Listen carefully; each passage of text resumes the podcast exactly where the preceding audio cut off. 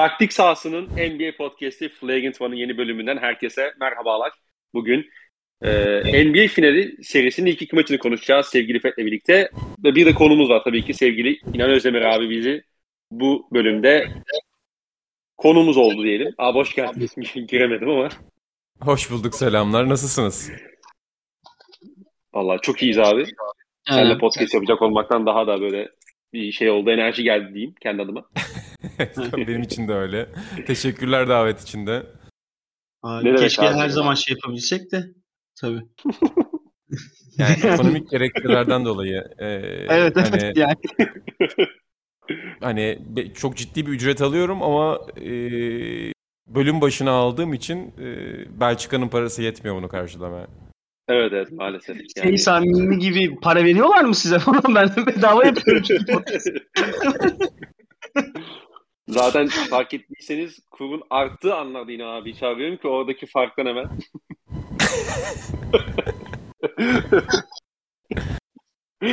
abi herkesin merak ettiği, herkesin izlediği ve e, sosyal medyayı kasıp kavuran o malum Red Bull 3'e 3 basketbol of. müsabakasını sormadan geçemem.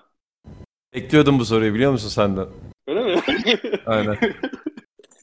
yani görebildiğimiz kadarıyla Uğur Ozan Sulak kadroyu çizmiş, taktiği belirlemiş.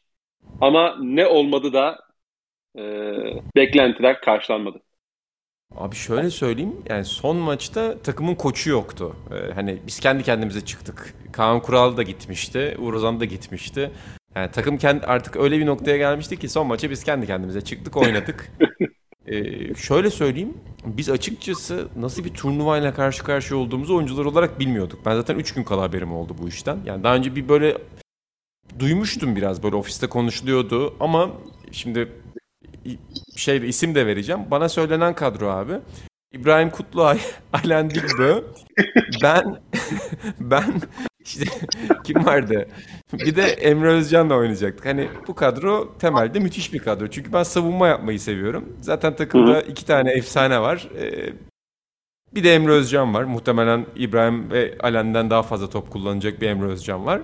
Şimdi böyle bir takım kurgusu benim için zaten müthiş bir şey demekti. Fakat son gelinen noktada öyle olmadı.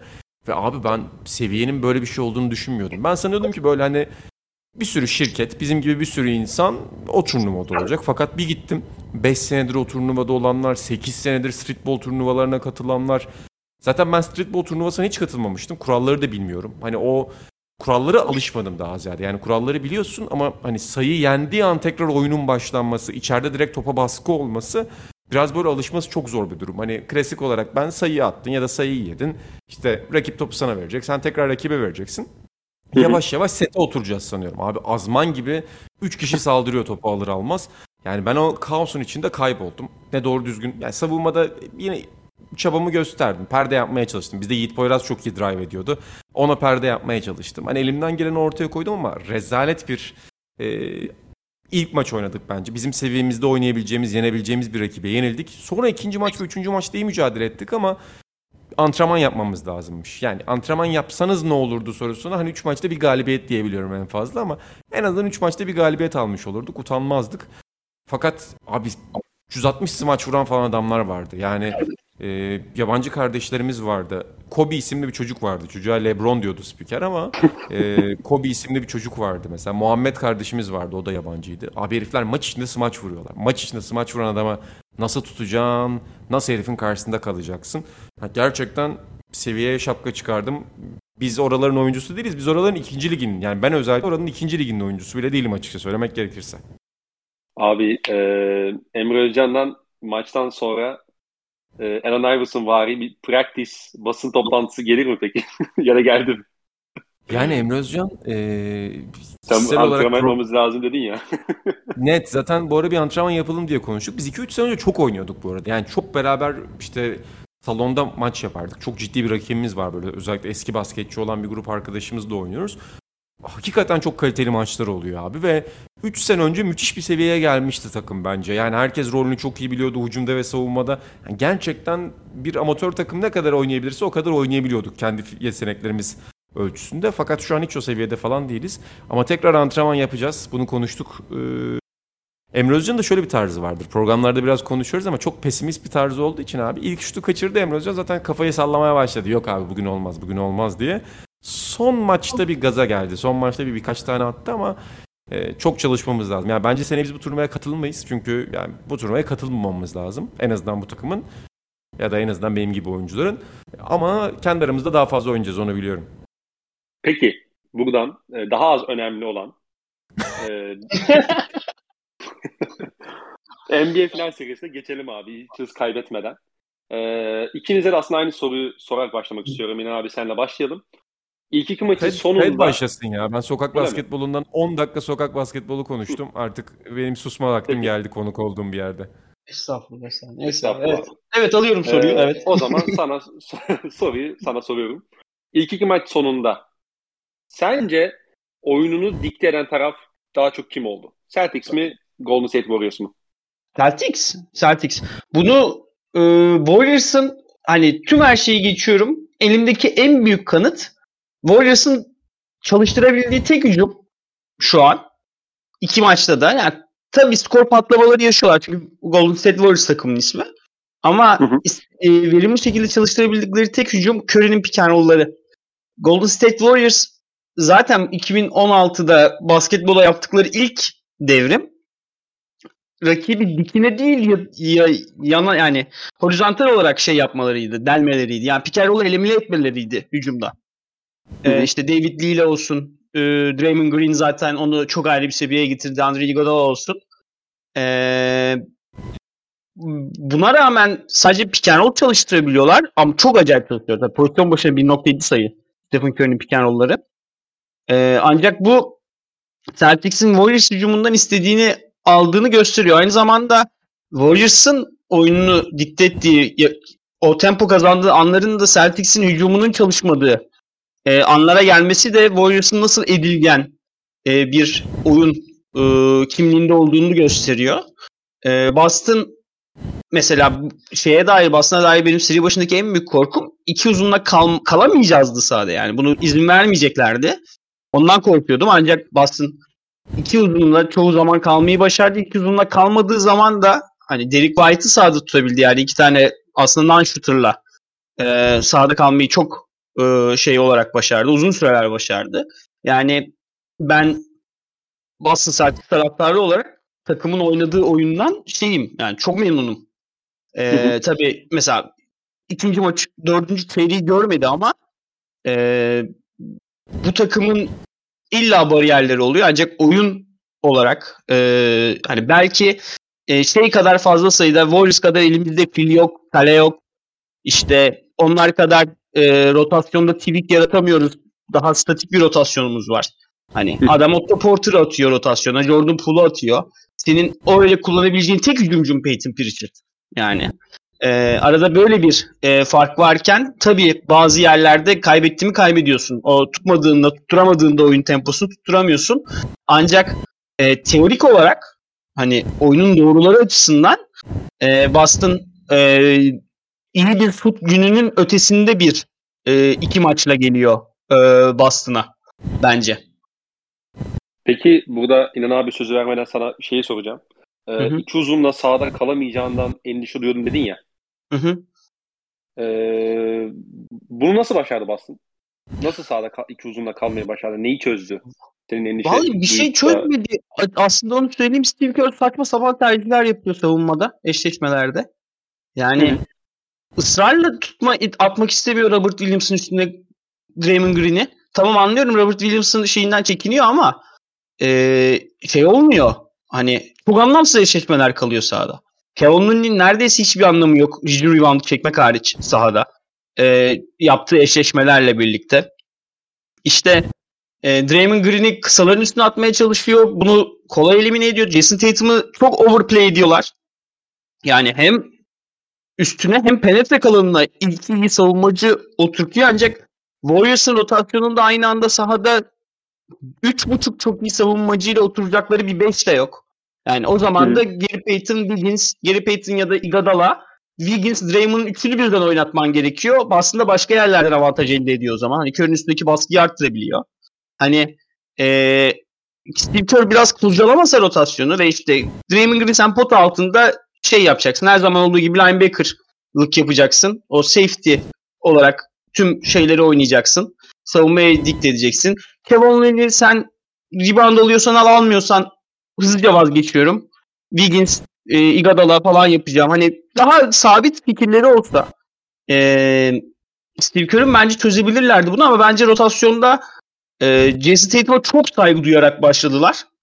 E, biraz burada Jalen Brown'la duydukları saygıyı azaltıyor savunmada ki ilk maçın e, hikayesi biraz Jalen Brown'un e, beklenenin altından kat ve kat kalkabilmesiydi maçın ikinci yarısında. Orada e, oynadıkları kumar direkt ev sahibi avantajına mal oldu e, Golden State için.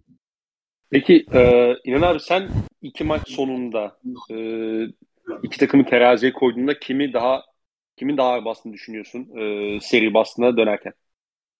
Yani açıkça söylemek gerekirse ben iki tarafında tam olarak birbirine oyununu dikte edemediğini düşünüyorum. İki savunmada rakibi sınırlandırma ya da zorlama konusunda bence iyi işler çıkarıyor. Hani şut soğumaları ya da şut ısınmalarını bir kenara bırakıyorum bunların. Çünkü çok çılgın 4 dakikalar 5 dakikalar izledik. Bu playoff'un hikayesi zaten. Bu bundan sonra da playoff'ların hikayesi bu olacak. Çok net bir şekilde görülüyor zaten. Ee, ama şöyle düşünüyorum mesela. Hani şu anda bir bir seri Boston'a gidiyor. Kim daha iyi hissediyordur diye. Temelde Boston Celtics'in deplasmanda en basit mantıklı maç çalan taraf olduğu için çok daha iyi hissetmesi lazım. Ama onların da ağzında bir Kekrem stat var. Son maçı Golden State Warriors sürklese ederek kazandığı için çok daha mutlu olmaları lazım. Ama onların da ağzında bir Kekrem stat var. Ve iki takımın da belli ölçülerde taktiksel anlamda limitlerinde olduğu bir noktaya geldik artık. Yani ikisi de muazzam savunmalara sahipler. Belli noktalarda özellikle muazzam savunmalara çıkabiliyorlar. Golden State Warriors'ın savunma malzemesi biraz daha dar. Boston Celtics kadar iyi savunmacıları yok ama onlar da bir savunma beşi oturtabiliyorlar. Her ne kadar bu hücumdan feragat etmeleri anlamına gelse de yani bir buçuk hücumcu, üç buçuk çok iyi savunmacı. Hatta bir hücumcu, dört savunmacı beşi yapabiliyorlar. Boston Celtics'in bu konuda zaten ne kadar rahat olabildiğini anlatmaya bile gerek yok. Yani iki takımın da savunma olarak rakibin hücumunu yönlendirdiği bir iki maç izledik bence.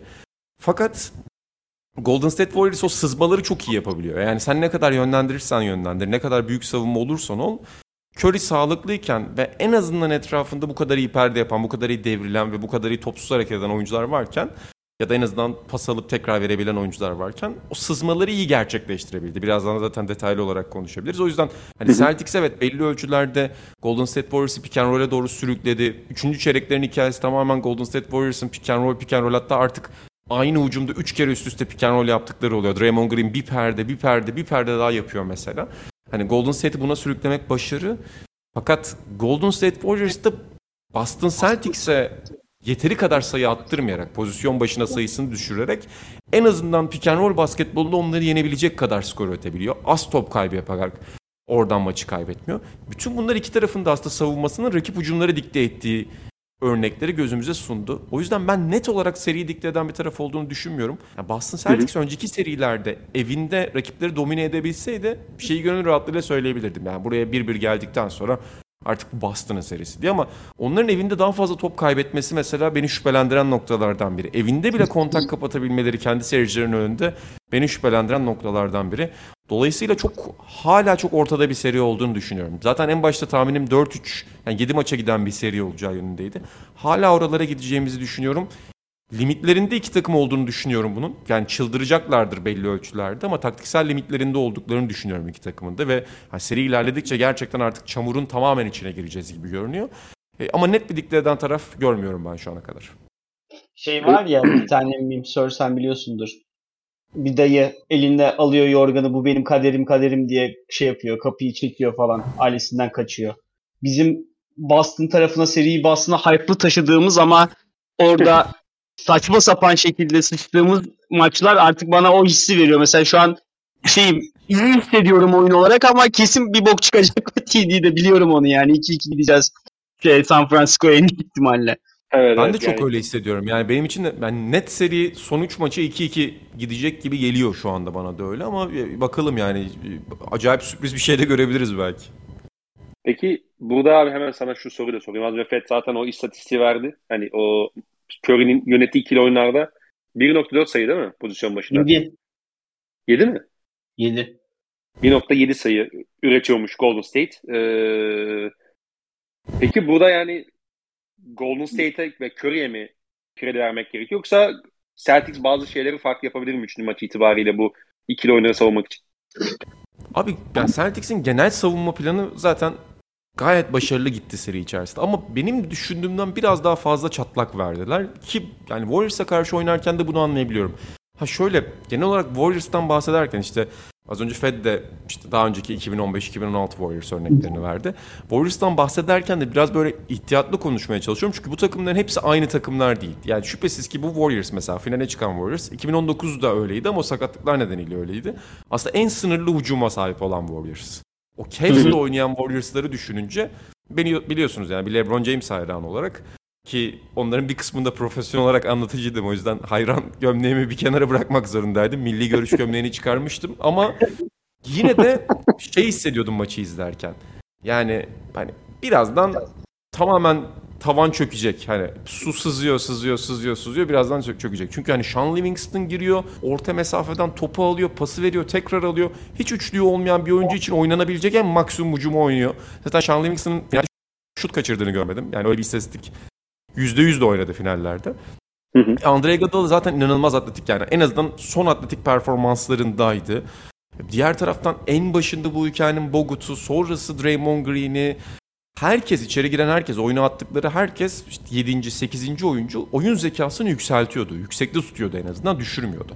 Şimdi bu Warriors öyle değil. Bu Warriors'ta Kevin Looney'nin bile yani Kevin Looney gibi bir oyuncunun kenara geldiği ve takımın kolektif oyun zekasının düştüğü örnekler görüyoruz. Aslında bunun böyle olmaması lazım. Yani Kevin Looney senin en mücadeleci oyuncun olmalı. O çıktığında takımın zekası düşmemeli, mücadelesi düşmeli, hücum ribandı düşmeli. Bazen takımın pas ritmi düşüyor mesela Kevin Looney kenardayken. Çünkü pas akışına biraz daha katkı verebilen oyunculardan biri. Dolayısıyla yani Warriors hücumunu gerçekten çok basitleştirdi Celtics ve bu şapka çıkarılacak noktalardan biri. İlk maçta zaten boy alana sokmadılar. İkinci maçta Robert Williams'ın evet çok kötü göründüğü anlar oldu sağlık anlamında. Ama pota dibinden Curry'i blokladığı pozisyon, içeri girenleri kovaladığı pozisyonlar çok etkileyiciydi. Zaten Warriors'ın ikinci maçın başında sürekli turnike kaçırması, sürekli pota dibinden atış kaçırmasının temel sebeplerinden biri de buydu. Yani Celtics'te kimse sana gelmese bile şeyi hissediyorsun. Ya herhalde biri gelecek. O korku var ya hep arkandan biri gelecek korkusu. O bile Celtics'te oynarken senin hata yapmana sebep olabiliyor. Fakat üçlüğün dışında benim beklediğimden daha fazla hata yaptılar. Yani mesela o Cavs takımları normalden yani bu Celtics takımının üçte biri kadar savunma malzemesine sahipti ve savunma yeteneğine sahipti. Fakat bir noktadan sonra makine gibi bir Warriors'a karşı makine gibi savunma yapmaya başlamışlardı. Yani herkes bir sonraki adımı, bir sonraki aksiyonu, bir sonraki aksiyonu biliyordu. Bu Celtics'in benim düşündüğümden biraz daha fazla hata yaptığına inanıyorum. Yani bu da şöyledir muhtemelen. Yani 90 pozisyon, 80 pozisyonda 5 tane öyle hata yapıyorlardır. Ama o 5 taneyi bile yapmaman lazım Warriors'a karşı. Yani mesela Kevin Looney'e çok fazla boş smaç verdiler ikinci maçta. Özellikle bir tane pozisyonda iki oyuncu switch'ten sonra, topsuz alandaki switch'ten sonra köşeye gittiler ve içeride boş pozisyonu verdiler. Curry'e 4 oyuncunun gittiği yer var. Orada son yardıma hiç gerek yok. Yani 3 oyuncunun Curry'e baskı yaptığı bir yerde Grant Williams olması lazım son yardım yapanın ama yanlış hatırlıyor olabilirim pozisyonu. Grant Williams 4. oyuncu olarak oraya gidiyor. Ya da Derek White 4. olarak 4. oyuncu olarak oraya gidiyordu.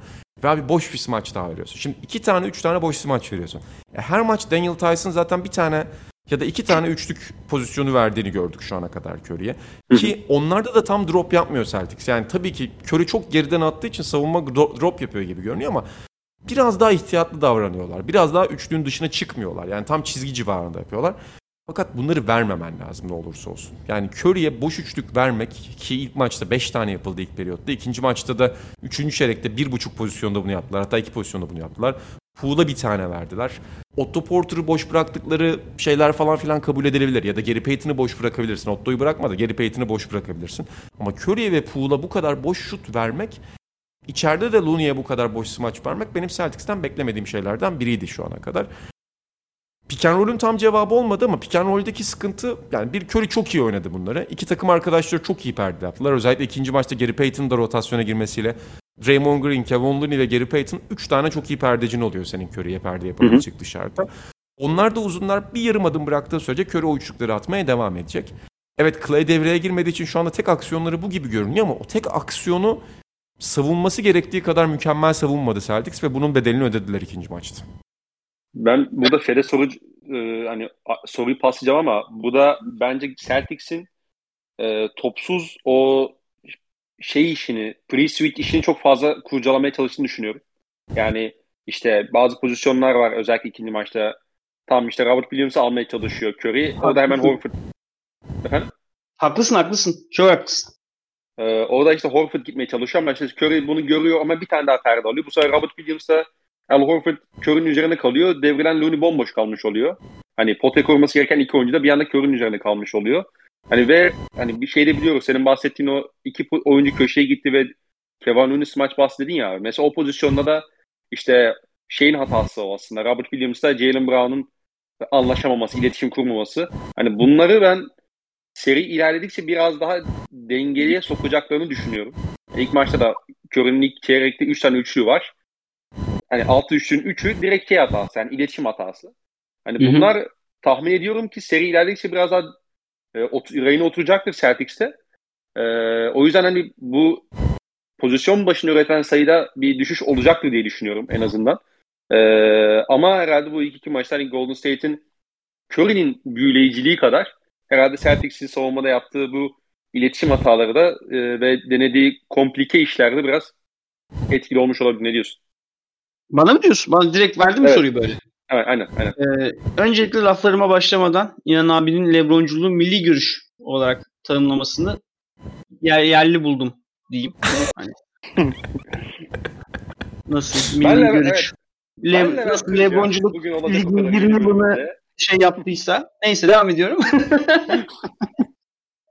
şey ya biraz oyuncu şeylerine bakmak lazım bence. Ee, karakterlerine. Boston'ın özellikle iyi savunmacıları hepsi karakteristik olarak bir hataları varsa oyuncu kartlarında savunmada hepsi overhelper savunmacılar.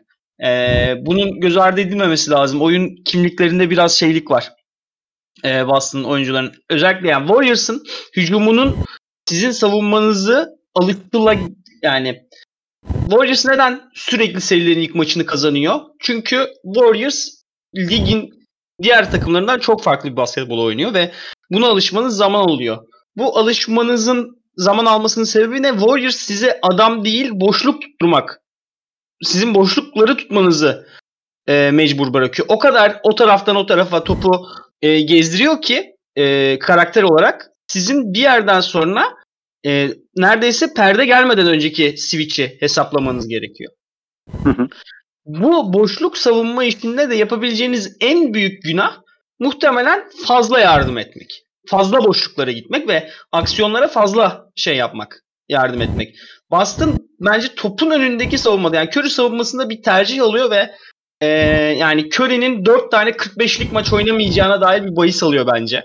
Hani e, bunu en azından şey yani otomatik switch yapabilir. Yani evet Stephen Curry daha fazla toplu oynasa ve üçlüyü öyle atsa o da bir kazanımdır. Bu bu Stephen Curry şutlarının yerine. Ancak bunu vermek bunu biraz yaptılar ama değil mi? Ya artık orada şey oldu. Hani biraz sağ içi inisiyatifte de hani attıkça attıkça şey yaparsın yani. Sen dur tutayım ben bu adamı dersin yani. Ama o Looney Wiggins tarafından çok oluyor. Wiggins e, o beni rahatsız ediyor biraz. Wiggins tarafından çok Hemen yardım hemen geliyor. orada bir sorayım mı? Robert. Williams'ın Wiggins'i savunması iki maç sonra bakınca çok doğru bir karar gibi gözüküyor mu? Sebeplerini, Aynen, yanlış- an, sebeplerini Bana yanlış da. bir karar gibi gözükmüyor. Çünkü Wiggins'in bu takımın hücumuna yapabildiği tek şey e, istikrar yani iyi oynadığında istikrarlı bir pota baskısı yaratıyor Wiggins. Ama bunu şey yaptı. E, yani göremedik bunu ilk iki maçta. Hani Wiggins'in topla faktör olduğu noktaları göremedik. E, o yüzden beni rahatsız etmedi o fikir ama sürekli yardım gelmesi ve sürekli sahada bir boş Warriors'lı görmesi. Ya Warriors'lı bir oyuncuyu kaybettiğin zaman hani temas açısından adam handoff'a gidiyor Curry'e ve Curry 2'ye 1 oynuyor. Yani bu işte çok Hı hı. e, uzmanlaşmış seneler boyu bir organizasyon, bir hücum sistemi Warriors. Hı hı. O yüzden ben Boston'ın seri ilerledikçe savunmasını düzelteceğine inanıyorum ancak bu biraz zaman alabilir. Ha ben 3. maçta da e, biraz kekremsi bir savunma, biraz titrek bir savunma performansı bekliyorum Boston'dan. En azından e, alışma hasebiyle. E, ama bence hani karardan ziyade biraz oyuncuların da oyuncu kartına bakmak lazım. Mesela Grant Williams çok iyi bir savunmacı. Gerçekten çok iyi bir savunmacı.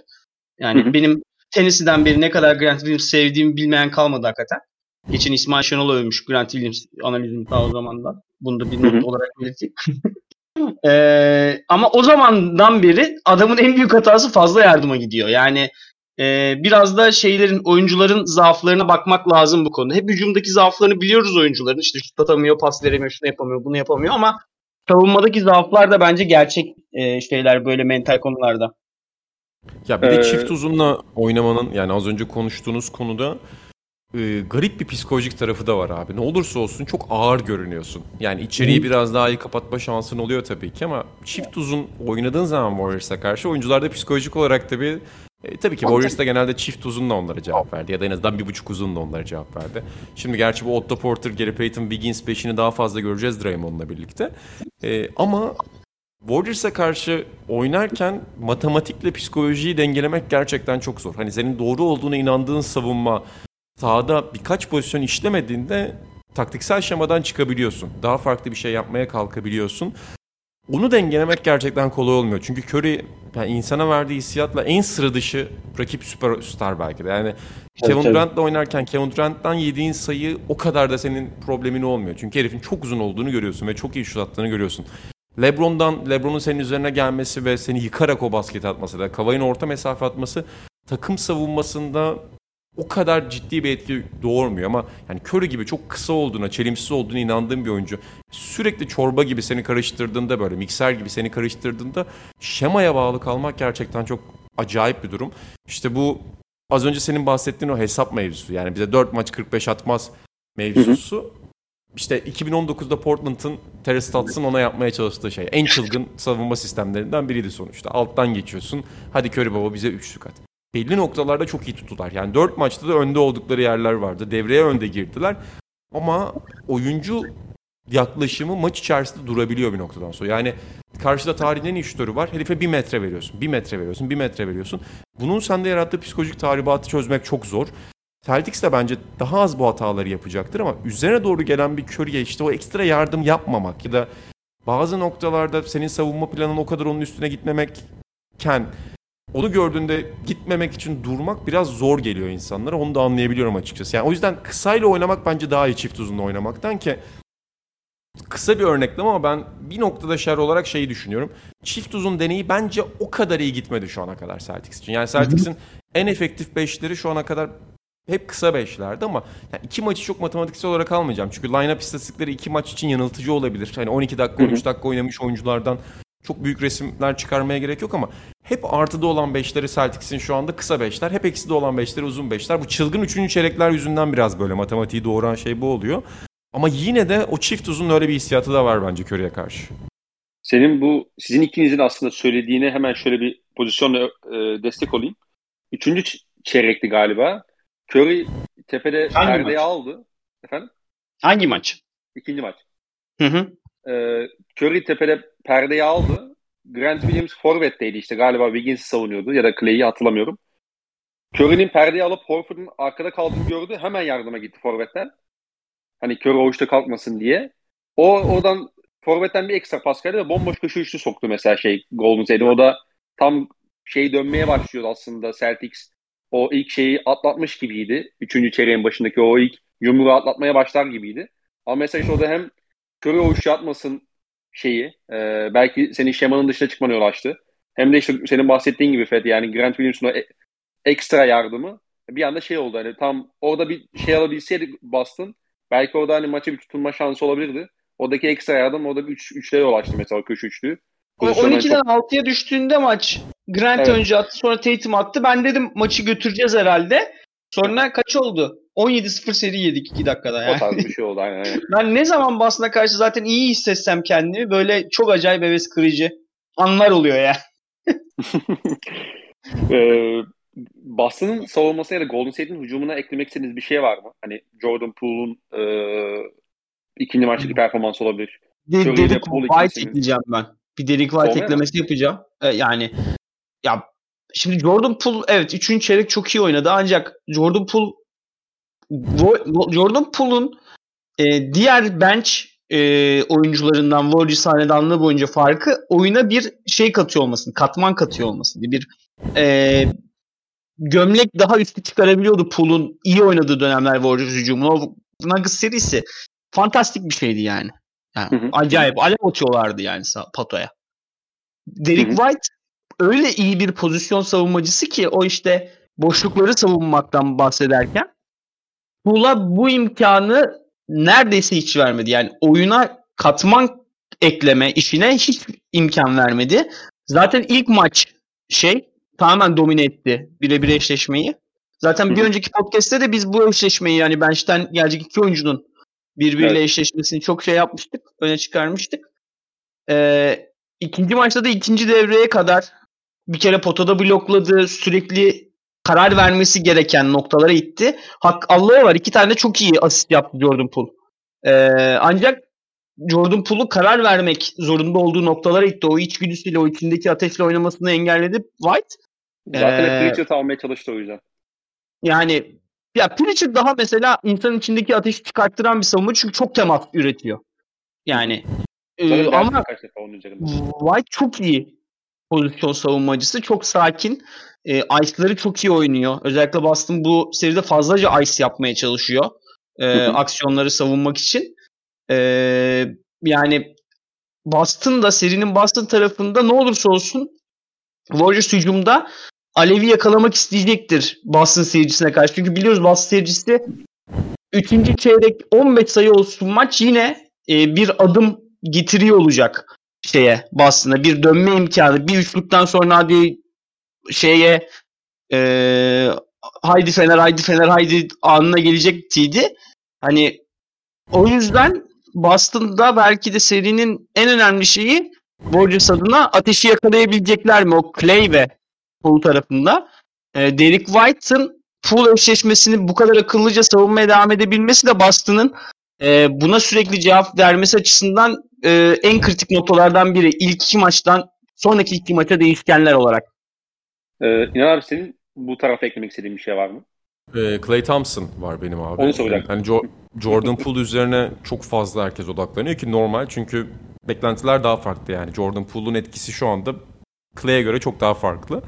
Ama yani Clay Thompson'ın da bu kadar kötü oynaması iki maçta inanılır gibi değil. Yani Clay Thompson bu kadar kötü oynarken Jordan Poole'un evet 3. çeyrekte devreye girdi. Takım olarak zaten alev aldılar ve orayı bir şekilde kotardılar ama Clay Thompson'ın hem bu kadar süre alıp hem de bu kadar kötü oynamak gibi lüksü yok şu anda. Yani 34,5 dakika oynuyor. Ama bu kadar kötü şut seçmeye devam edecekse Clay Thompson'sız beşlere daha fazla süre verebilir gibi geliyor bana Steve Kerr. Çünkü ya tamam herkesin kötü şut performansı olabilir. Şimdi ben bunları dedikten sonra muhtemelen 3. ya da 4. maçta Clay Thompson bir 40 sayı falan atacak. Çok büyük Ee, ihtimal çok büyük ihtimal olacak bu bu arada yani. Yani şu anda geliyor o, o seri geliyor. O arka arkaya atılan 5 üçlük falan geliyor ama hadi tamam %26 ile üçlük atarsın abi. Sana şutlar yaratılıyor Warriors sisteminde. Çıkıyorsun topsuz işte köşede Looney sana bir perde yapıyor. Draymond bir perde yapıyor. Çıkıyorsun o üçlükleri atamıyorsun.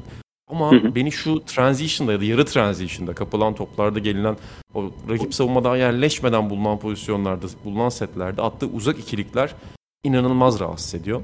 Hani Warriors her zaman bu uzak ikiliklere çok önem veren bir takım. Seviyorlar. Yani oyuncular şut şutlarına çok güvendiği için orta mesafeden ya da uzak ikilikten o şutları denemekte beis görmüyorlar. Ama yani şut saatinin başındasın daha ilk 8 saniyesindesin. Rakip savunma daha yerleşmemiş. Bir pas verdiğinde yaratabileceğin ya da bulabileceğin bir boşluk var kesinlikle. İçeride olabilir, dışarıda olabilir. Gidip sağa ya da sola doğru yatarak o ikilikleri atmanın hiçbir anlamı yok. Ee, Steve Kerr de içinden muhtemelen böyle diyordur ama dışından Klay Thompson'ı desteklemek istiyorlar. Çünkü onun işte 12-13 sayı değil 20 sayı atması demek senin TD gardında bir maç çalman demek. Matematik olarak çünkü zaten Curry'nin 30'unun yanına ekleyebileceğim bir Clay 20'si acayip bir zenginlik katıyor Warriors hücumuna. Dolayısıyla Clay Thompson TD'de çok daha iyi oynamak zorunda Warriors'ın selameti açısından. Abi bir de şunu, hemen- şunu da ekleyelim. Clay Thompson muhabbeti yaparken. E, Massachusetts'te eyalet olarak e, marijuana serbest. Muhtemelen uçaktan inince baba kafayı çeker. Rahat rahat maçına çıkar hiçbir şey düşünmeden. 30'unu atar 3. maç. Hiç sorgusuz sualsiz. Ya bu Clay Thompson konusunda ben bir pozisyon çok e, dikkat çekmişti ikinci maçta. İlk, ikinci çeyrekte olması lazım. Abi galiba Pritchard'ı aldı solda. işte posta topu aldı. Şimdi Horford da Bielitsa'yı savunuyordu yanlış hatırlamıyorsam. Horford biraz böyle şeye doğru gitti. Hani Clay Thompson'a doğru gitti. Bielitsa da hemen şeye hazır. Curry var hemen yanında. Curry'e perde yapıyor. Ama Curry o topun gelmeyeceğini bildiği için perdeyi almaktan vazgeçip geriye doğru yürümeye başlıyor zaten. Hani savunma pozisyonu almaya başlıyor. Hani artık o kadar belli ki o topun Clay Thompson'dan geri gelmeyeceği. Ee, o pozisyon mesela bayağı şey dikkatimi çekmişti. Yani o top verdik kara deliğe dönüşmeye başladı yani o top Clay Thompson elinde ve hani herkesin bildiği gibi normalde Clay Thompson oyunu bu kadar yoran bir oyuncu değil. Ee, bu kadar topu dribbling üzerinden üreten bir oyuncu değildi. Ama işte yani belki Celtics'in savunmasına kere verebiliriz. Belki sakatlık sonrası e, duruma e, şey yapabiliriz, yorabiliriz. E, açıkçası şey, özellikle ikinci maçta zaten e, şeyden vazgeçti. İkinci çeyreğin ortasında e, yanlış hatırlamıyorsam 40-35 iken mola aldı. Steve Kerr oradan zaten Peyton e, Wiggins ikilisiyle döndü. Ve o orada açısından maça tutulmuş oldu şey Golden State. Hemen bir 10-0'lık seri yakalayarak. E, evet yani Clay Thompson çok rahatsız edici boyuttaydı diyeyim.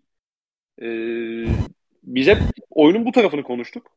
Ve bir de Clay konusunda şunu da eklemek lazım. Ya hakkını verelim adam korkunç bir sakatlık evet. serisinden geldi ve e, playoff oynuyor. Yani playoff bu kadar derinleşmişken e, Clay'in mesela o topu mesela şimdi Clay de biliyor topu verse bir köşeye daha koşu atması lazım. Yani e, kondisyon da yetmiyor olabilir. Clay de Curry de e, çok acayip kondisyon gerektiren şeyler oynuyorlar. Hatta Curry bundan hep playofflarda diğer süperstarlardan bir tık daha az süre oluyor. Hani Clay hem savunmada Jalen Brown'u tutmaya gerek şey yapıyorken tutması gerekiyorken hücumda da sürekli oradan oraya o köşeden o köşeye dribbling. Ee, yaşı da 32 artık Clay'in. Yani şey bence normal. Böyle bir hı hı. fiziksel hı. düşüş karar karar vericiliği etkileyen derecede bir fiziksel düşüş de normal bence. Ben şöyle Zaten düşünüyorum bu arada abi. Hani mesela bu maçta, ikinci maçta özellikle ben yardım savunmasını çok beğendim Clay'in. Gerçekten çok akıllıca yardım savunması yaptı. Potada karşıladığı iki pozisyon var. Potaya giderken Jalen Brown ve Jason Tatum'un drive'larına el soktuğu pozisyonlar var. Zaten genel savunma performansının içinde çok iyi iş çıkardılar. Orada yani B verebileceğim bir savunma performansı vardı. Hatta işte A ikisi falan filan bile verebilirsin. Oyunun diğer tarafında karar vericilik kesinlikle etkilemiştir. Sakatlığından dönüş gerçekten inanılmaz bir hikaye ama kendi kendine oyuncunun bazen yardım etmesi gerekiyor. Özellikle Clay gibi tecrübeli bir oyuncunun. Ya kendi işini zorlaştırmak zaten NBA'de birçok oyuncunun bu sınıflara, buralara çıkamamasının sebebi. Yani birçok yetenekli oyuncu NBA finalinde bu formayı giyemiyor ya da bu takımları giyemiyor. Çünkü kendi kendilerinin işlerini zorlaştırıyorlar. Olduklarından farklı bir oyuncu olduklarını düşündükleri için işlerini zorlaştırıyorlar. Yani Clay'in bunu yapmaması gerekiyor bence. 8 yılda 6 final görmüş ya da işte 5 finalin, 5,5 finalin parçası olmuş bir oyuncu olarak. Yani bazen o sola ya da sağa doğru yatarak attığı şutlara bakınca onu görüyorum. Yani sabit at, atabileceği pozisyonlarda bile bazen e, driblingle topu yere vurup sola ya da sağa doğru yatabiliyor. Bunlar biraz anlamsız riskler gibi geliyor bana. Kendi kendi şut ritmi ve sağlığı açısından da. E, zaten abi muhtemelen sakatlıktan tabii yani sezon ortasından döndü. E, şutların çok kısa kalıyor. Hani muhtemelen bacağından da yeter kadar güç alamıyor, yorgun düşüyor. E, ve bu işte soluna doğru, sağına doğru yeter kadar orta mesafeler ve o yüzden çok yüksek yüzdeli atılmıyor ki bu da haliyle Celtics'in e, istediği şutlara e, dönmüş oluyor. Burada hemen abi sana şeyi sorayım. İlk maçta Smart, e, Al Horford ve Derek White üçlüsü 23-15 üçlük atmıştı. İkinci maçta bu üçünün e, performansının çok daha az etki, e, olduğunu gördük. Çok daha az şut kullandıklarını gördük. Warriors tam olarak neyi değiştirdi? Tatum savunmasında da e, bu yan parçalar ikinci maçta ilk maça nazaran çok daha az e, şut kullanıp etkili oldular. Yani ilk maçta atılan bazı çılgın şutlar var hakikaten. Yani o Derek White'ın falan köşeden attığı inanılmaz bir şut var mesela. Hani el üstü şutları soktuğu pozisyonları gördük ama ya Celtics'in ilk maçta attığı şutların bir kısmı Dallas Mavericks'in bulduğu şutlara benziyordu açıkça söylemek gerekirse. Hani Doncic savunması da Tatum savunması aynı savunma değil. Doncic çok daha sert bir erken yardım geliyordu. Sonuçta Tatum'a ikinci maçta gördük ki Brown'a getirilen yardımlar asla switch sonrası hemen olmayacak. Yani switch'ten sonra eşleşmelerine güvenecekler. Curry de olsa, Poole da olsa o eşleşme ona güvenecekler. Clay'e de güvenecekler. Hatta Bielisa'ya bile güvendiler. Ee, ama sonrasında drive'a başladıktan sonra tam ortasında serbest atışın etrafında kollarını sokmaya başlayacaklar. Penetre kanalına hücum etmeye başlayacaklar. Bu stratejiyi gördük. Doncic de çok daha agresif bir şekilde Doncic'in topu elden çıkarması ya da köşelere sürüklenmesini istiyorlardı. E, diğer dört oyuncunun şut ritminin bir maç dışında zaten bunu bir buçuk maç dışında hatta ikinci maçın başında inanılmaz şut atmıştı Dallas. Ki o maçı hı hı. kesinlikle almalılardı o şut performanstan sonra. Bir buçuk maç dışında o görev adamlarının onları atamayacağını düşünüyorlardı. İlk maçta da özellikle Al Horford'un bulduğu bazı şutlar Warriors savunması için skandal şutlardı. Yani tabii ki anlayabilirim Tatum'a gösterdikleri ekstra ilgiyi, özellikle penetrelerine gösterdikleri ekstra ilgiyi ya da maçın sonunda panik yapıp maç gidiyor diye işte Jalen Brown üzerine, Jalen Brown'un penetrelerini engellemek için e, biraz daha fazla mesai harcamalarını anlayabilirim. Ama Horford mesela topun olmadığı yerde hiçbir aksiyonun içinde değilken tabii ki yani dışarıya doğru çekilip 2 metre boşluk buluyordu. Yani Horford'un attığı şutlara bakıyorsun. Bir buçuk tanesi falan dışında muhtemelen bir tanesi dışında el göstermemişti ilk maçta Warriors. Şimdi bu gerçekten tabii ki Al Horford'a gösterdikleri saygı diğerleri kadar olmayacak üçlükte ama ne olursa olsun Al Horford playoff'ta çok yüksek yüzdeyle atıyor. Kariyer yüzdesi senin onu boş bırakmanı e, rasyonalize edebilir belki ama bu playoff'taki yüzdesi senin ona biraz daha yaklaşmanı gerektiriyor. İkinci maçta çok daha disiplinli olduklarını gördük. Ama ikinci maçın temel hikayesi bu görev adamlarının hiç devreye girememesi tabii ki çok önemli. Çünkü ilk maçı çözenler görev adamları oldu o üçlükleriyle. Hatta yani en başta Jalen Brown oldu. Jalen Brown çözdü ilk maçı ama Jalen Brown'ın yanında görev adamlarının alev alması çözdü. İkinci maçta savunmaların, savunmanın, Warriors savunmasının biraz daha dengeli bir şekilde baskı yaptığını gördük. Tatum'a gösterdikleri ilginin tam aynısını değil ama bir kısmını Jalen Brown'a gösterdiler. Draymond Green'le eşleşmesini değiştirdiler. Draymond Green'in Jalen Brown'un üzerine gittiği pozisyonlarda Jalen Brown'u yıldırmasını, itmesini, fizikselliğini göstermesini, e, hakemlerin bu konuda Draymond Green'in istediği yere çekilebileceğini düşündükleri için bunu yaptılar. E, Tatum'un penetrelerine yine saldırdılar. Yine geç yardım getirdiler. Yani Poole'la bile bıraktıkları pozisyonlar gördük. Ama ikinci maçta Celtics de biraz kendi ayağına sıktı. Yani Al Horford'u görebileceği pozisyonda ilk yarıda hiç görmediklerine e, onlarca örnek verebiliriz. Marcus Smart hiç oyuna sokamadılar zaten. Robert Williams zaten oyuna sokabileceğim bir oyuncu değil. Yani Robert Williams'ı bir kere oyuna sokabiliyorsun zaten maç içerisinde. Onu da yapamadılar bir pozisyon dışında. Dolayısıyla Warriors savunması ikinci maçta Jason Tatum dışında Jalen Brown'a da çok sert bir şekilde özellikle şut saatinin sonunda baskı getirerek Celtics'in karar vericilerinin hata yapabilmesine güvendi. Celtics karar vericileri de çok zor şutlara sevdalandıkları ve Ime Udoka'nın da dediği için faal almaya çalıştıkları için e, görev adamlarını bulamadılar. Çok yavaş aksiyonlara girdiler. E sen çok yavaş aksiyona girersen, görev adamlarını ısındıramazsan ilk yarıdan itibaren Jason Tatum da bir noktada artık o 4 üçlüyü, 5 üçlüyü atamaz. Jalen Brown da bir noktada artık o üçlükleri atamamaya, şutları atamamaya başlar ve hücum sistemin tamamen çöker. Ee, Fed burada şeyi sorayım sana. Draymond'un Jalen Brown'u savunması oyunu ve Celtics'in yarı savucunu ne kadar etkiledi? Draymond ve savunma demişken şundan bahsetmek lazım. Yani bence üstüne atlayamayız yani. Draymond şey yapıyor bazen. Bunu Memphis serisi ilk maçta da yaptı. İlk çeyrek alıyor bir teknik iki faulü. Sonra hı hı. artık bokunu çıkarana kadar hakemlerle oynuyor maçı tamamen. Yani artık oradan sonra direkt kart alıyor eline. Yani sahada neredeyse istediğini yapabilecek kartı alıyor ki mesela Boston'ın hücumunun kırıldığı an belki Jalen Brown'la kavga ettikleri anda. O zamana kadar Boston gayet iyi işletebiliyordu en azından 1-2'yi. Sonra Jalen düştü oyundan. Yani şey yapamadı, giremedi maçın içine. Ee, burada eşleşmeden ziyade benim iki, ilk iki maçtaki fark bence e, potaya giden Boston oyuncularına inanılmaz bir baskı, top penetresine baskı getirdi e, Golden State. Bunu Miami yapıyordu. Miami daha iyi personelle yapıyordu çünkü e, çoğu oyuncusu ball hawk'tu. E, ancak burada da personeli ona göre uygun seçerek e, penet yani doğrudan penetrelerine saldırdı e, potaya giden oyuncuların ki Boston ikinci maçta sadece bir tane potada atış bulabildi. O da galiba Robert Williams'ın bir tiplemesi. Yani hiç potaya girip turnike atamadı Boston. Bu korkunç bir şey. Böyle basketbol kazanmaz, maçı kazanılmaz yani basketbolun hiçbir seviyesinde. Ee, hakem yeterince sertliğe izin verdi. Hani şeyi görebiliyordun. Mesela Derek White potaya gidiyor. Curry bir temas ediyor arkadan işte. Jason Tatum topu sürüyor. Peyton topla karışık ele de vuruyor. Yani çok zaten penetrede top kaybetti. Ee, bunun çözümü drive and kick, drive and kick, drive and kick. Hani sürekli şekilde hani neredeyse Warriors seviyesi kadar topu dolaştırmak. Orada da e, Boston şutu sokamamaktan ziyade biraz aceleci davrandı. Yani şutun şehvetine kapılmak benim bu podcast'i daha önce dinleyenler e, bu yaptığım tanımlamaya hakimdirler. Yani nasıl olsa sokuyoruz şeyi şutu. Hani o yüzden biraz az e, o dolaştırma işine girdi. İlk yarı işledi. Jalen maçtan kopmayana kadar işledi. Ama e, Boston bir takımı değil.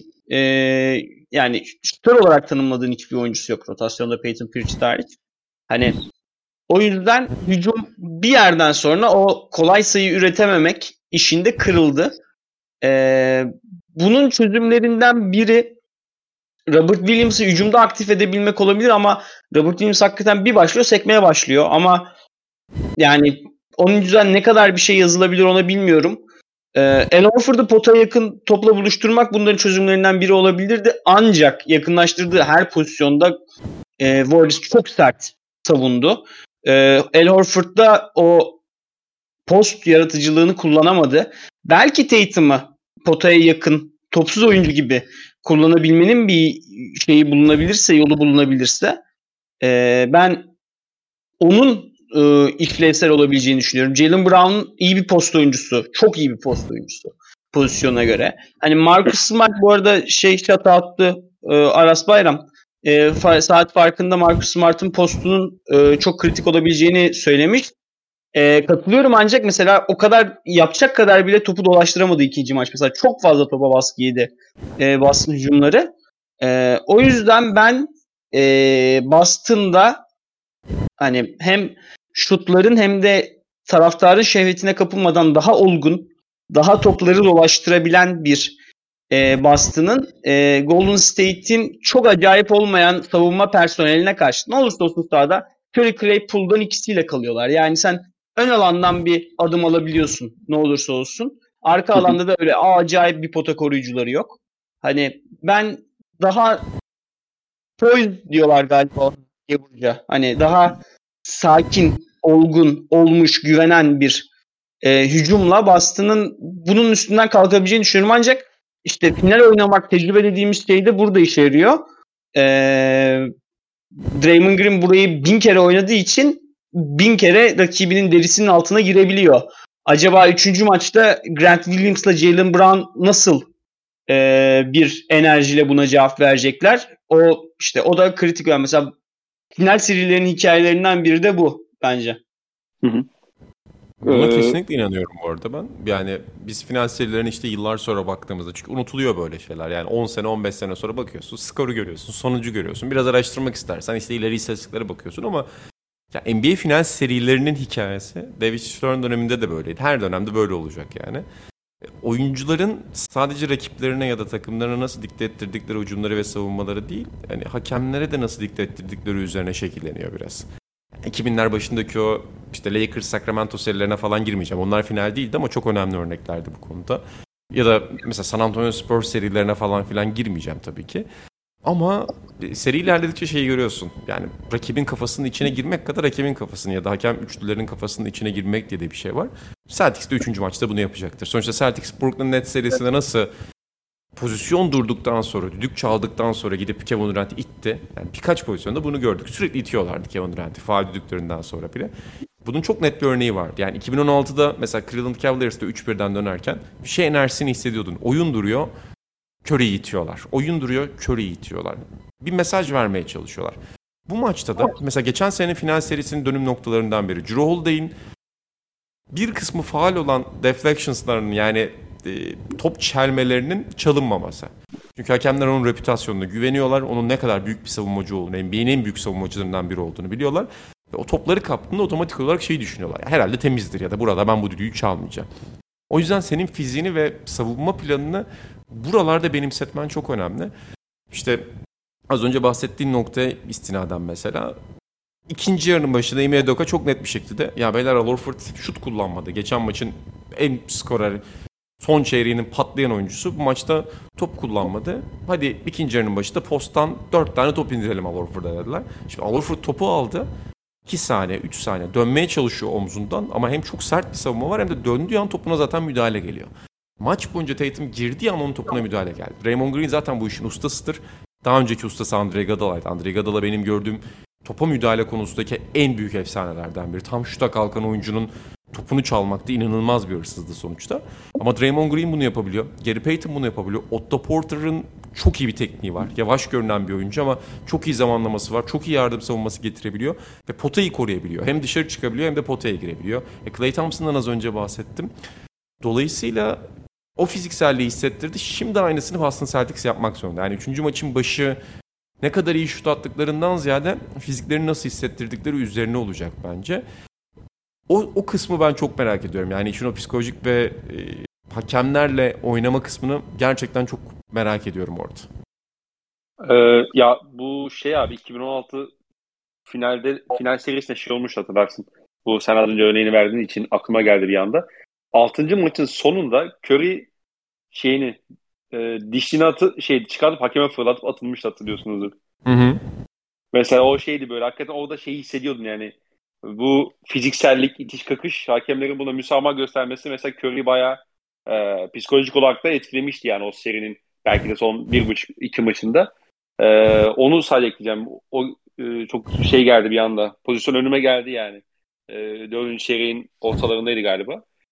Ve şey e, ya sert şeyin Kör'ün Steve Kör'ün bence en iyi yaptığı iş aslında yani şimdi Draymond'un birebir de Jalen'ın savunmasından ziyade aslında e, Draymond'un aksiyonun hep çaprazında kalmış olması bu sayede. Yani işte Al Horford'u topu posta indiriyorlar. İşte mesela Curry'le bir mismatch yakaladı ikinci yarıda. İndirdiler topu. Ama güçlü tarafta şimdi Draymond Green var. Şimdi sen güçlü tarafında Draymond Green olduğunda bir piken, şey bir post-up oynamaya çalışırsan sen oradan pozisyon üretemezsin. Yani çünkü gelecek yani. O, sen döndüğün an dönecek orada hemen bir yardım getirecek sana. İşte Jason Tatum potaya atak yapmaya çalışıyor. Güçlü taraftaki forvetten yani köşeden direkt Draymond Green geliyor. Hemen orada elini kolunu sokuyor. Belki bir kısmı faul, belki bir kısmı faul değil. Ama hep orada ve devamında da Draymond Green o close out işini de o kadar hızlı yapıyor ki şey kısa adımlarla. Yani hem penetreyi savunuyor hem şeyi savunuyor. Kendi adamını savunuyor. Yani iki işi aynı anda yapabilmesi ve bu yardım işini e, güçlü taraftan yapabilmesi o kadar değerli ki ve üçüncü maçın gidişatını o kadar ikinci maçın pardon gidişatını o kadar etkiledi ki e, yani ben izlerken hakikaten şey oldum. Yani Draymond'un tabii ki o Jalen Brown'la yaşadıkları o problem, ikinci teknik faal çalınmalıydı, çalınmamalıydı vesaire ona girmiyorum. Onu kenarda bırakıyorum. Yani inanılmaz bir savunma performansı gösterdi. Bence hani Yudoka biraz üçüncü maç itibariyle belki e, oyuncuların saha içindeki yerleriyle daha fazla oynayabilir gibi geldi maçı izlerken. E, onun herhalde üçüncü maçta itibaren sahada göreceğiz ona nasıl bir cevap vereceğini. E, onun dışında bir de üçün, bir de üçüncü çeyrekte bence Celtics'in o ikinci maçta özellikle o şeyi yemesi e, o üçüncü çeyrek yumruğunu yemesi biraz da şeyden kaynaklıydı. Yani üçüncü maçta çok, üçüncü çeyrekte çok fazla şeye gittiler. Kevin Looney'i hedeflemeye çalıştılar ve çok fazla işte Fed'in de söylediği gibi yani şutun şeyine kapıldılar, şehvetine kapıldılar. Ve oradan çok e, kötü şutlar gelince dönüşünü hep geçirdiler ve zaten o e, 38-14 müydü? Öyle saçma sapan bir çeyrek so- skoru ortaya çıktı ve maç koptu zaten. E, sadece onu söyleyeceğim bu tarafta. E, ya bu Draymond'un aksiyonun işte çaprazında ya da yakınında olması konusunda şey pozisyonu vardı mesela maçın başında. Ya Jason Tatum sağdan dribbling yapmaya çalışıyor, potaya gitmeye çalışıyor. İlk çeyreğin sonlarına doğru. Draymond Green ona yardıma geldi. Onun penetresini kapatmaya çalıştı. Tuttu oyuncu evet. Jalen Brown. Yani Jalen Brown'dan yardım getirdi. Döndü Jalen Brown'un topuna müdahale etti abi. Hani hem evet. cesur bir hareket bu. Bir gözdağı veriyorsun sonuçta. Jalen Brown'a da bir gözdağı veriyorsun. Hani heriften kurtulamıyorum diyor Jalen Brown döndüğü zaman.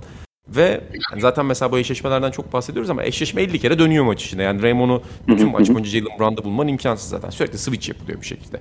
Ama maçın ilk pozisyonu Draymond Green, Al Horford'un topuna sarıldı. Maçın en kritik pozisyonlarından, en kritik bölümlerinden, eşleşmelerinden biri. Jalen Brown'u dışarıya doğru ittiği pozisyon var. E, Curry'nin şut saatinin sonunda Jalen Brown'a sağ çaprazda dışarı ittiği pozisyon var. Yani bütün bunlar hani fiziksel olarak yani beyler sizin ne yapacağınızı biliyoruz. Sizi bir şut takımına, bir üçlük takımına dönüştürdük. Celtics'te müthiş üçlük atıyor. Yani seride şu anda %46 ile üçlük attılar. İnanılmaz bir yüzde bu. 40 tane üçlük deniyorsun maç başına %46 ile atıyorsun. Ama ortada ikilik olmayınca, boyalanma girişi olmayınca hücumu çeşitlendirmediğin sürece bu çok büyük bir sıkıntı. Yani sonuçta sen rakibe boyalı alanını kapatmak ve rakibin boyalı alanına girmek istersin. Basketbolun temeli. Bunu yapamadığında bir de 33 top kaybediyor. Şey bir de 18 top kaybediyorsun. 33 sayı veriyorsun. Kazanman çok zor. Yani matematiği de kaybediyorsun, psikolojiyi de kaybediyorsun. Matematiği kaybetmeye devam edeceksin muhtemelen çünkü daha fazla top kaybeden taraf olmayı sürdürecek gibi Celtics. Bu kadar belki canlı top kaybı yapmazsa da. Ama işte Draymond'un aksiyonun merkezinde olması hep onu sağlıyordu. Yani Dallas da bunun çok zorluğunu yaşadı çünkü yani Jalen Brunson tuttuğu bölümlerde hep bir şekilde Jalen Brown oyunun içinde olmak zorunda. Doncic'e yakın oynayan taraf sonuçta. Doncic'ten o top çıktığında ilk pasın gittiği ismin Jalen Brunson olmasını istiyorsun. O yüzden Al Horford'u tutmak ve hani Al Horford'la birlikte üçlük çizgisinin dışına çıkmak yerine aksiyonların sürekli yakınında olması Draymond Green'in işine geliyor. Ee, evet, bir ekleme yapacağım. Bir ekleme yapacağım. Ee, Draymond Green'in bu kadar e, sallana sallana topun karşı tarafa gitmesinin belki de en büyük yardımcısı birinci maçtan ikinci maça e, geri, şey bir Gary Payton.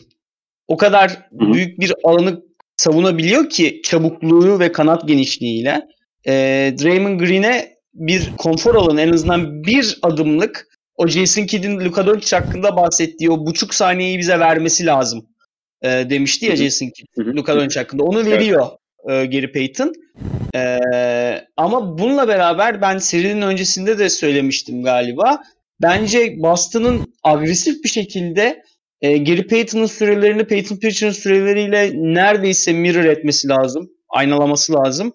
Çünkü e, Peyton Pritchard hani şut sokmasa bile e, gravitisi olan bir şutör ve Boston'ın belki de gravitisi olan tek şutörü. E, yani topsuz oyuncusu. Bu Draymond Green, Gary Payton ve Wiggins ya da Otto Porter aynı anda sahadayken bu topa, potaya gömülmeleri engelleyebilmek için e, Peyton Pritchard gibi bir lan bu adamı boş bıraktık gravitisine ihtiyacı var Boston'ın. Evet çok şey bir perdeci değil. E, çok iyi bir perdeci değil Peyton Pritchard ama ne olursa olsun üzerinde de zayıf savunmacıları bırakmak isteyeceklerdir. Hani ben e, Boston'ın yeteri kadar bir silaha dönüştürmediğini düşünüyorum Peyton Pritchard'ı. Tabii ki Peyton Pritchard'ın kapasitesiyle de alakası var bunun ama çok acayip bir playoff oynuyor Peyton Pritchard. Yani ben e, Pritchard'ı beğenen bir draft dönemi geçirmiştim. Yani ben orta seviyelerden seçileceğini bekliyordum ikinci turun. Çok kişi draft bekliyordu Peyton Pritchard'ı. Hatta Amerika'da bir, biri 140. sıraya falan koymuştu. Yok artık falan demiştim yani ama hani e, bizim Max Carlin koymuştu. E, ben hani o yüzden sanki serinin hücum tarafında Boston'ın biraz daha ya Grant Williams'a çok pozisyon hazırlaması lazım ve bir onu gravity alanına çevirmesi lazım. Çünkü ne olursa olsun iki şut soktuğunda Grant Williams herkesin gözünün önüne Milwaukee serisi gelecektir yani. Kimse onu öyle rahat bırakamaz. En azından o reputasyonu var. Ee, ya da Peyton Pritchard Alev'i yakaladığında fırlatıyor çünkü potaya. Alev fırlatıyor da. Hani ikisinden birini hücumda ilk iki maçta olmadığı kadar aktif etmesi gerekiyor bence Boston'ın. Yoksa hakikaten senin e, zayıf tarafına oturmuş Draymond Green ve zayıf tarafına otururken ikinci skorunu tutan da e, Draymond Green ve seride de o şeyi yakalamışken kokuyu o ilk elektriklenmeyi yakalamışken Draymond Green'in büyüklüğüyle mücadele etmek e, çok kolay olmayabilir. Yani. Evet evet katılıyorum. katılıyorum. Ee, oyunun bu tarafında eklemek istediğiniz bir şeyler var mı peki? Yani Golden State'in savunmasını çok konuştuk ama Celtics biraz daha ya şunları yapabilir, şunları az yaptılar, bunları da farklı kullanabilirler dediğiniz bir şeyler var mı İnan abi? Tatum zor şutları atmaya baş. Bir maç çok fazla zor şut atacak, sokacak yani. Hani e, kaç 10 12 orada o 20 daha 40 sayı attı bu seride toplam. Yani. Evet tabii. Biz Tatum'un maç başına 40'larına alışığız son iki aydır. Hani Tatum'un bir maçı lazım. Eğer bu iki maçtan birini alamazsa Tatum o podcast'ten önce seninle konuştuğumuz İnan abinin de sonradan katıldığı e, konuma geliriz biraz. Yani e, Tatum hücum bu tarafında ben iyi basketbol oynadığını düşünüyorum. İlk maç e, Amerikan medyasında da çok övüldü. 13 asist hiç az bir şey değil ancak e, bu takım ne olursa olsun Tatum skoru etrafına kurgulandı. Yani istediği kadar etrafına yaratsın. Boston başka bir takım olarak kazanıyor o zaman. Boston'ın Boston'da Boston gibi kazanması lazım. Ee, onun kritik yollarından biri de Tatum'un potada, orta mesafede, e, dribbling üzeri e, şey yapması gerekiyor. E, skorunu yaratması gerekiyor. E, bunun yolu da Tatum'un kendinden geçiyor. İlhan abi. Yani Celtics'e dair hani çok net konuştuğumuz, hep konuştuğumuz şeyler geçerli olacak bu maçta. Daha az önce bahsettiğimiz konu. İlk yarıda yani Tatum o çok zor şutları mesela ilk bu maçın ikinci maçın ilk yarısında soktu aslında belli bir kısmını. Belki dördüncü çeyrek oynasa hani skor yakın olsa atıyorum tek başına ya da işte üçüncü çeyrekte 68-62 olduğu bölümde Golden State o şutları vermeseler arka arkaya pozisyonlarda hani Tatum'un son çeyrekte tek başına maçı alabileceği pozisyon olacaktır ama maçın başı da çok dikkatli olmak zorunda Celtics bence Golden State Warriors savunmasına karşı. Yani Golden State Warriors onları dışarı ittiği sürece Tatum sürekli el üstü, sürekli el üstü üçlük attığında işte Robert Williams'a hiç top gitmediğinde, Al Horford'a hiç top gitmediğinde Marcus Smart o ana starlara gelen yardımlara bir penetreyle ya da Derek White bir penetreyle cevap veremediğinde Boston Celtics çok sıkışıyor. Grant Williams'tan da bu seride çok fazla bir şey alamadılar şu anda da ve muhtemelen alamayacaklar hücum anlamında da. Çünkü daha farklı bir seri oynuyor. Grant Williams'ın yıldızlaştığı serilere göre daha farklı bir seri oynuyor. İşte Fed de bahsetti. Peyton Pritchard senin yedekten gelen çözümün burada. Ki başka bir çözüm kalmıyor elinde. Şimdi Peyton Pritchard oradaki tek Derek White'in penetreleri dışında çözüm olduğunda iş çok sıkışıyor. O yüzden maçın başından itibaren şutları çok iyi girse bile Jalen Brown ve Jason Tatum'un basit pasları çok daha efektif bir şekilde vermeleri lazım. Yani hep bahsediyoruz. Onlardan kimse Luka Doncic paslarını beklemiyor.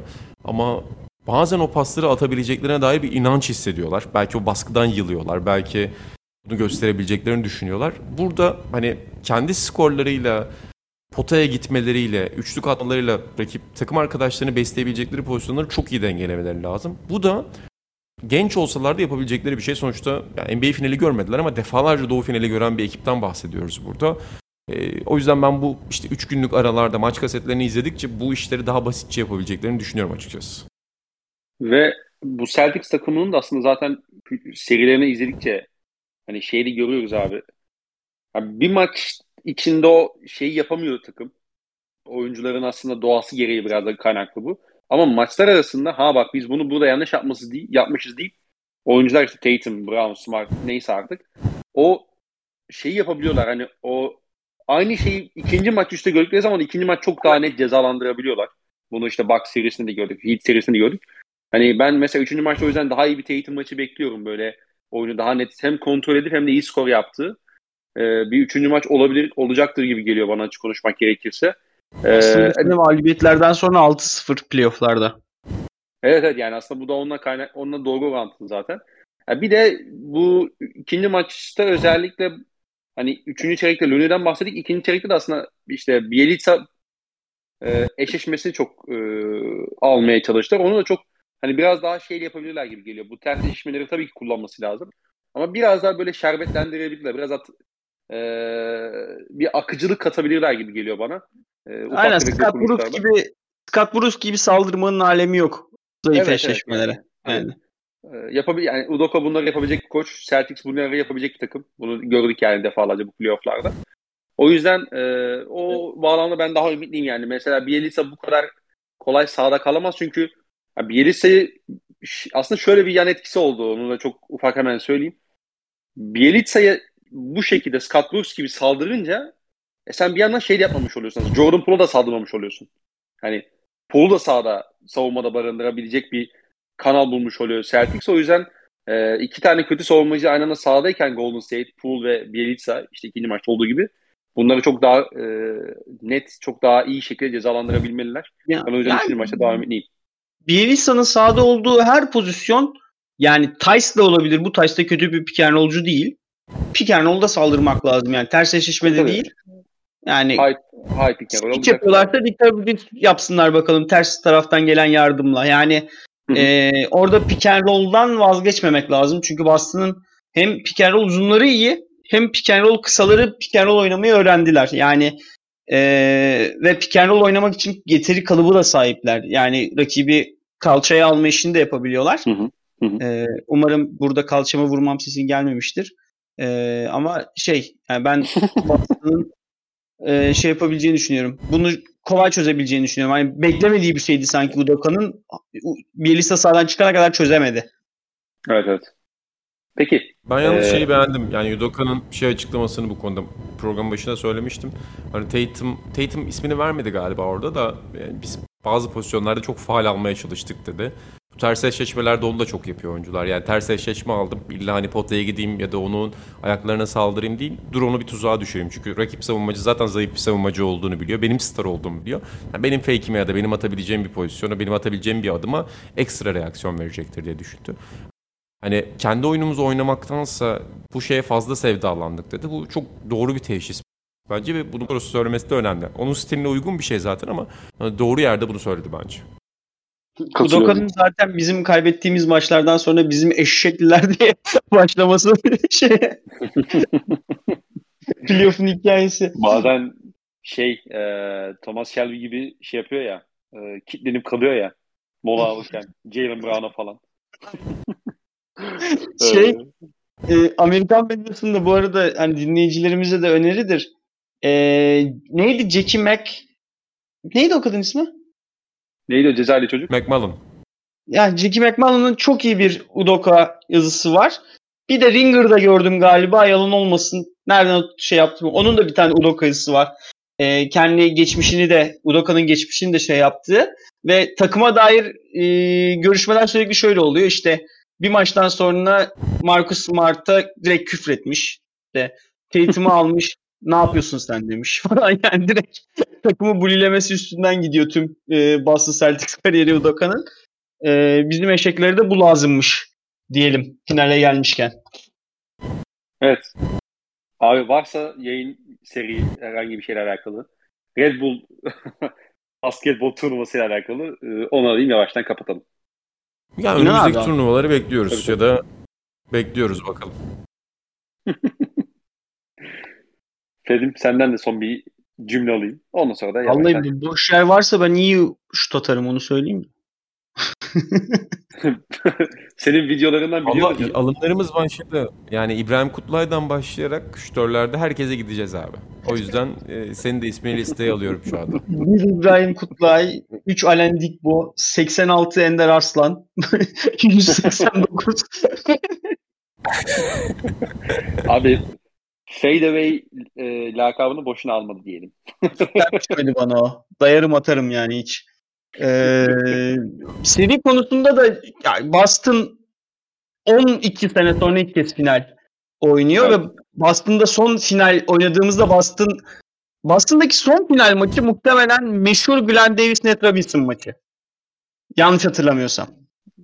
Yani O dördüncü maç mıydı sanki? Neyse olabilir, olabilir, olabilir. yani ya sondan ikinci ya Boston'da en son finaller oynandığında e, nasıl ruhani bir ortama büründüğünü Boston hatırlarsınız.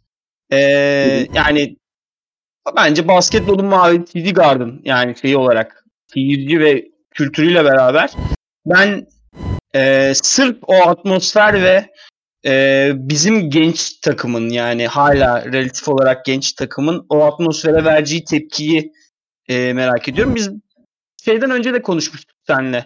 Yani ben de gerçekten çok Boston Celtics'e aidiyet duyan bir şeyim. Hani o yüzden podcast'te oldukça şey konuşmaya çalışıyorum ama e, benim hislerim o hep o yönde. Ben net serisinden önce de bu takımın bana bu sene yeterli mutluluğu verdiğini söylemiştim.